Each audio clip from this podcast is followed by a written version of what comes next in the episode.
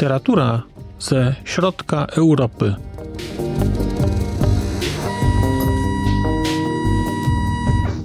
Podcast około książkowy. Dzień dobry. Witam Państwa w kolejnym odcinku podcastu Znak Litera Człowiek. Przed mikrofonem Marcin Piotrowski. Chciałbym dzisiaj zachęcić Państwa do lektury książki Tomasza Podkaja Akwarium. Opowieść o Związku Literatów Polskich w PRL-u. Książka ukazała się w roku 2022 nakładem wydawnictwa Czarne. I jest to książka, która jest trochę inna niż to, czego się spodziewałem, kiedy sobie tę książkę kupowałem ale fakt, że jest inna, nie znaczy, że jest w jakimkolwiek stopniu gorsza od tego, czego poszukiwałem, czy na co miałem nadzieję. O tym, czym książka jest, mówi teoretycznie podtytuł. Mamy w końcu opowieść o Związku Literatów Polskich w PRL-u. Ale najczęściej, kiedy czytamy taki podtytuł, to dokładamy sobie swoją własną jego interpretację. W tym wypadku Opowieść możemy rozumieć jako historia i tak dalej.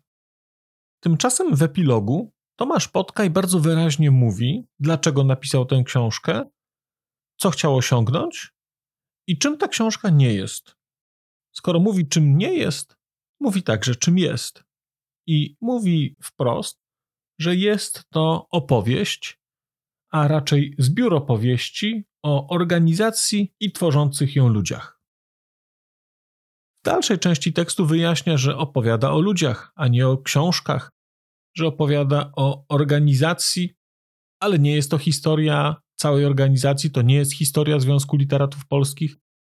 Jest to zbiór opowieści, które jako rodzaj wspólnego mianownika mają Związek Literatów Polskich w tle. Powiedziałbym, że to, co Państwo znajdziecie w tej książce, to są dwa główne typy opowieści. One się ze sobą oczywiście jakoś łączą, ale można byłoby powiedzieć, że dzielą się na dwie kategorie. Pierwsza kategoria to są opowieści rzeczywiście o związku, jako o organizacji i o roli tego związku w czasach minionych. Druga kategoria opowieści to są opowieści skupiające się na ludziach. Więc mamy tam opisanych skomentowanych, pokazanych, bardzo różnych pisarzy. I oczywiście niektórzy z nich zajmują więcej miejsca, pojawiają się częściej, niektórzy rzadziej, natomiast są to opowieści o ludziach. Jeżeli chodzi o pierwszy wątek, czyli wątek związku i jego roli, no to bardzo wyraźnie widać tutaj tę historię związku. Teoretycznie związek, który zaczynał jako kontynuacja funkcjonującego jeszcze przed wojną Związku Zawodowego Literatów Polskich. Po II wojnie światowej, czy po przemianach, które wtedy miały miejsce, zmienia swoją nazwę na Związek Literatów Polskich i bardzo wyraźnie jest tutaj podkreślone, że ta zmiana nazwy to jest więcej niż zmiana nazwy, bo to jest usankcjonowanie pewnego oczekiwania wobec tego związku. I bardzo wyraźnie widać, że całe późniejsze dzieje Związku Literatów Polskich są jednak pochodną takiego stalinowskiego myślenia i stalinowskiego przekonania, że pisarze to są inżynierowie ludzkich dusz. No, skoro są to inżynierowie ludzkich dusz, a o te dusze się walczy, to z jednej strony oczekuje się, że ci pisarze będą pisać w sposób akceptowalny dla władz, a z drugiej strony ma się jednak nadzieję, że się ich do tego w jakiś sposób skłoni. Stąd można byłoby powiedzieć, że Związek Literatów Polskich w tym okresie PRL-u był taką organizacją, która miała za zadanie, nie chcę powiedzieć, że manipulować, ale która miała za zadanie bardzo świadomie kształtować zachowania pisarzy, która miała za zadanie bardzo świadomie tworzyć pewne ramy, w których ci pisarze mogliby funkcjonować, jednocześnie do jakiegoś stopnia zachowując pozory czegoś, co można byłoby nazywać samorządnością, być może w pewnym zakresie także praworządnością, dać tym ludziom poczucie wolności. W dużym stopniu, wydaje mi się, udało się to zrobić. Przez dość długi czas związek był istotnym czynnikiem, istotnym aktorem kształtującym to, jak funkcjonuje literatura w Polsce, wpływającym na życie tych pisarzy, ułatwiającym im życie, kształtującym pewne prądy, nadającym ton dyskusji. Przez długi czas się to udawało. Później te rzeczy gdzieś zaczęły ginąć, ale nadal, właściwie do samego końca, do rozwiązania tego związku, było to coś, co z jednej strony było jakąś oazą wolności, z drugiej strony miało bardzo wyraźne ramy i poza nie nie można było specjalnie wypływać. I myślę sobie, że rzadko kiedy tak trafnie udaje się nadać książce tytuł, jak udało się to zrobić Tomaszowi Podkajowi, tytułując tę książkę Akwarium. Podkaj bardzo jasno zresztą mówi, że ten tytuł on zaczerpnął, a tytuł ten zaczerpnął z porównania, którym posługuje się Zbigniew Herbert w rozmowie z Jackiem Trznadlem w ramach tej książki z połowy lat 80. Hańba domowa. I tam Herbert właśnie o tym środowisku literackim PRL-u określa go mianem akwarium. I po przeczytaniu tej książki mam wrażenie, że to była bardzo trafna ocena. Mam wrażenie, że charakter tego zbiornika, tego akwarium, to akwarium może być bardzo pięknym akwarium. Czasami może być zapuszczone, czasami może być zadbane, może być piękne, może być oświetlone, może być wygodne. Nie zmienia to jednak faktu, że jest to akwarium. Te ryby będą pływać tylko w tym akwarium. Rzadko też trafia się książka, która ma tak pięknie zaprojektowaną okładkę, tak doskonale oddającą to, co w tej książce jest. Ten słój na tej okładce, wielkość tych ryb tłoczących się w tym słoju, te ich kapelusze, do tego liternictwo, do tego kreska, też trochę z epoki. Wszystko tworzy perfekcyjny taki obraz. Wydaje mi się, że to jest fantastyczna okładka, idealnie trafiająca w to, o czym książka jest. Tytuł jest świetnie dobrany, no pod tym względem jest to majstersztyk.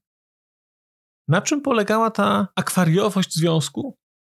No chociażby na tym, jak bardzo partia, czy państwo właściwie, a właściwie partia, usiłowało tych pisarzy dbać.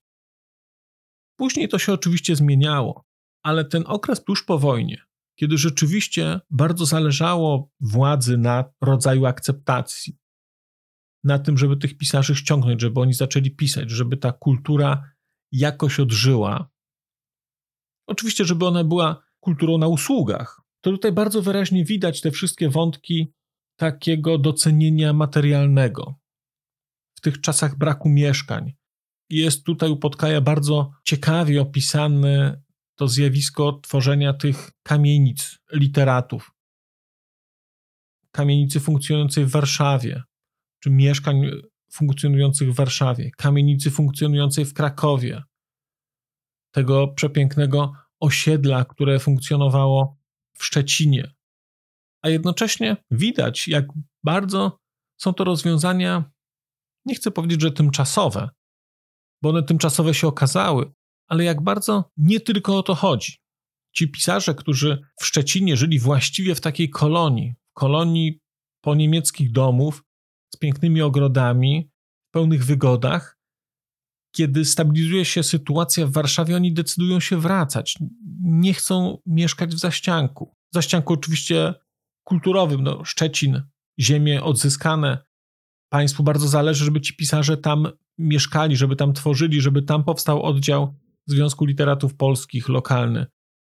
I oni rzeczywiście zaczynają, ale po jakimś czasie wracają stamtąd do Warszawy, bo chcą być w miejscu, gdzie te rzeczy jakoś bardziej są tworzone.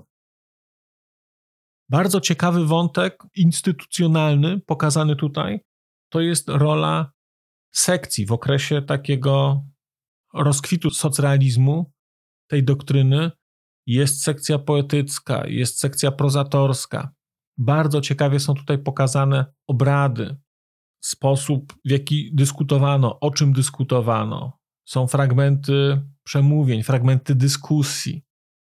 Dla mnie, akurat, jako osoby interesujące się tym okresem, to jest wspaniale tutaj pokazane.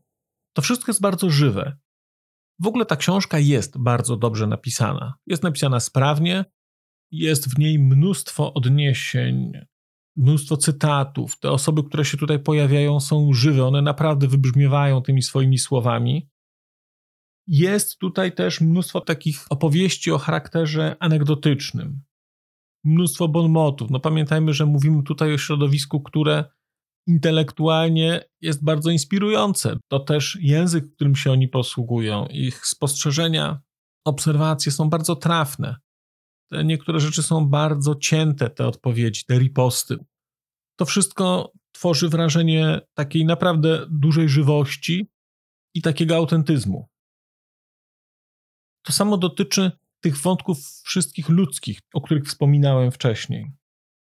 Oczywiście jedną z głównych postaci jest tutaj Jarosław Iwaszkiewicz i w ogóle jego sposób zarządzania Związkiem Literatów. Przez długie lata był jego prezesem i właściwie pewnego rodzaju dla państwa instytucją. I tu są pokazane blaski i cienie tego.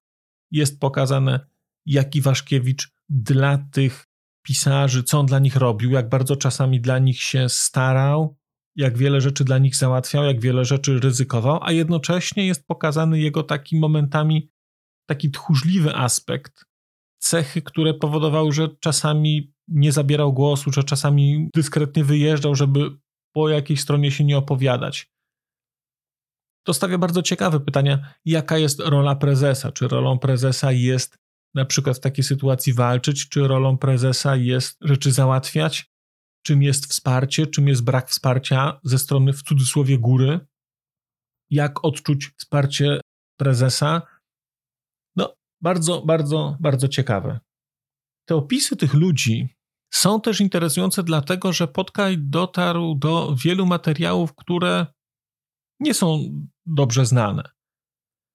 Jest tutaj sporo rzeczy przygotowanych na bazie materiałów Służby Bezpieczeństwa, dlatego że w ramach tego środowiska literackiego sporo było osób, które były współpracownikami Służby Bezpieczeństwa i pisały raporty.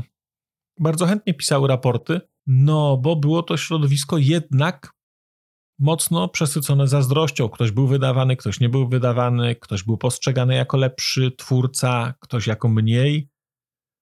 Więc w naturalny sposób, niestety, aktywują się takie wątki dokuczenia komuś, zemsty na kimś. I te dane z tych pięknie pisanych raportów także się tutaj pojawiają, fragmenty tych raportów, komentarze. Mam w ogóle takie wrażenie, że ta książka stanowi świetne uzupełnienie lawiny i kamieni. Bo o ile lawina i kamienie rzeczywiście skupia się na pisarzach, o tyle akwarium skupia się w dużym stopniu jednak na otoczeniu instytucjonalnym, na tym, jak to funkcjonowało, dlaczego tak funkcjonowało. I te książki gdzieś, czasami ta narracja jest bardzo równoległa, ale one się bardzo ciekawie przeplatają, one się doskonale uzupełniają. I niektóre rzeczy, które były już opisane, wydaje mi się całkiem zręcznie w książce Lawina i Kamienie, tutaj nagle dostawały trochę innego kontekstu. To było trochę inaczej pokazane, z odrobinę innej perspektywy. Dla mnie akwarium stanowi świetne uzupełnienie lawiny i kamieni. Aczkolwiek trzeba też powiedzieć, że ta książka, tak jak Podkaj pisze, to jest zbiór opowieści. W dużym stopniu ona ma charakter przyczynkarsko-anegdotyczny. Niektóre wątki były dla mnie zamknięte za wcześnie, ale dzięki temu, co napisał autor w epilogu, wiem do czego sięgnąć, wiem jakie książki mam przeczytać, jeżeli interesuje mnie rzeczywiście historia Związku Literatów Polskich, a interesuje mnie, więc wiem, gdzie mam jej tak bardzo konkretnie szukać. Jako takie główne wydarzenia, które tutaj się pojawiają, dla mnie najciekawsze były te wydarzenia związane z rokiem 56, czyli tym przełomem, który następuje w Polsce i pokazanie tych wydarzeń z perspektywy właśnie pisarzy i właśnie zjazdu Związku Literatów Polskich, który w tamtym czasie ma miejsce. Bardzo interesująco jest tutaj też pokazany rok 64 i okoliczności powstania tak zwanego listu 34. Ten wątek jest oczywiście pokazany w Lewinie i Kamieniach, ale tutaj Podkaj pokazuje go trochę inaczej, z innego punktu widzenia, inaczej to jest wszystko ustawione. Oczywiście historia jest ta sama, ale dla mnie dołożył nowe kawałki do, tej, do, tego, do tego puzzla. No i jest rok 68, który tutaj też jest pokazany z perspektywy zaangażowania pisarzy we wspieranie państwa, we wspieranie nagonki antysemickiej, w próbie jakiegoś odnalezienia się w tej sytuacji.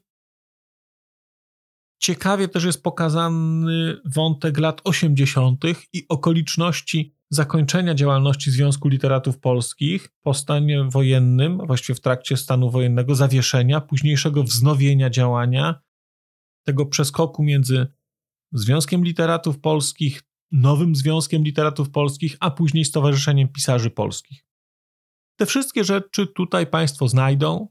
Ta historia tutaj właściwie zaczyna i kończy się współcześnie, i to jest bardzo ciekawie pokazane. Tam pada takie zdanie, że w tej chwili ten związek na pytanie, po co on jest, czy on jest komuś potrzebny do czegoś, to odpowiedź pada, że do niczego. A Tomasz Podkaj pięknie pisze, że on chciałby opowiedzieć o czasach i o ludziach, dla których ten związek był związkiem do wszystkiego. I mam wrażenie, że mu się to bardzo dobrze udało. To nie jest opracowanie naukowe, to nie jest monografia. Ja szukałem jednak czegoś bardziej monograficznego, i mimo, że tego tutaj nie znalazłem, to znalazłem tutaj bardzo konkretne wskazania i wiem, czego szukać.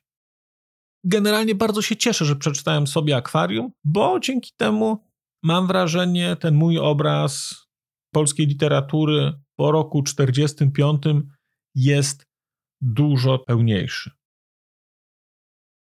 Bardzo Państwu lekturę akwarium polecam. Dziękuję za wysłuchanie dzisiejszego odcinka. Dziękuję za słuchanie podcastu Znak Litera Człowiek. Powrócę do Państwa już wkrótce z kolejnymi opowieściami, ale to jest właśnie ten moment, w którym wypada powiedzieć do usłyszenia. Przez mikrofon mówił do Państwa Marcin Piotrowski. A już zupełnie na koniec powiem, że skoro wysłuchaliście Państwo tego odcinka, to w jego opisie znajdziecie link do serwisu YouTube. W wersji YouTube'owej e, jest miejsce na skomentowanie go. To jest takie miejsce, gdzie można komentować ten odcinek, rozmawiać, zadawać pytania, wymieniać się spostrzeżeniami, do czego Państwa bardzo zachęcam, gdyż udało się już na tym YouTubie zgromadzić trochę bardzo ciekawych osób, bardzo ciekawych komentarzy i trochę stworzyć taką społeczność ludzi rozmawiających o książkach. Też na koniec, zupełnie na koniec, e, poproszę Państwa o wystawienie oceny mi w ramach e, tych platform podcastowych, na których Państwo tego odcinka wysłuchaliście. I nieważne jaka ta ocena będzie, istotne dla mnie po prostu, że będzie. Tymczasem się żegnam już naprawdę i do usłyszenia za czas jakiś.